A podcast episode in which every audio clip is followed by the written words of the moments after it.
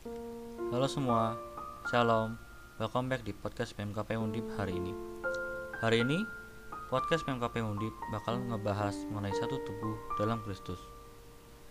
Teman-teman sering kali dalam pelayanan gereja, rekan sepelayanan kita mendapatkan posisi dalam pelayanan gereja.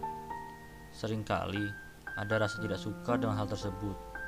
Kita menganggap bahwa dia belum layak untuk melayani lebih dari kita di mana kita lebih mampu dari dia Entah apa yang ada dalam pikiran kita, tetapi pasti ada sebuah iri hati yang menggoda diri kita.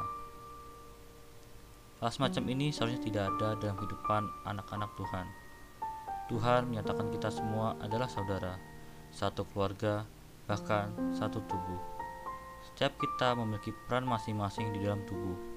Peran yang tentunya berbeda karena diperlukan oleh anggota tubuh yang berbeda untuk membentuk tubuh yang sempurna. Apakah Anda mau memiliki tubuh yang penuh dengan mata atau tubuh tanpa hidung? Tentu saja tidak. Sebab itu, perbedaan antara anggota tubuh bertujuan agar kita saling melengkapi. Sebagai anak Tuhan, seharusnya pemikiran itu harus jauh dari kita. Seperti dalam firman dalam Roma 12 ayat 5 yang menyatakan Demikian juga kita, walaupun banyak, adalah satu tubuh di dalam Kristus. Tetapi kita masing-masing adalah anggota yang seorang terhadap yang lain. Ayat firman Tuhan hari ini perlu kita renungkan supaya kita tahu bahwa kita juga sama dengan yang lain.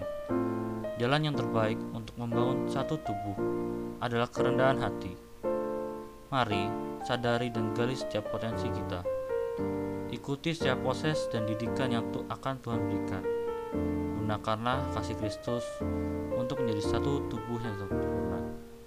Sekian menurut kita hari ini. Tetap semangat menjadi segala aktivitas hari-hari ini. Shalom, damai sejahtera menyertai kita. Tuhan Yesus memberkati.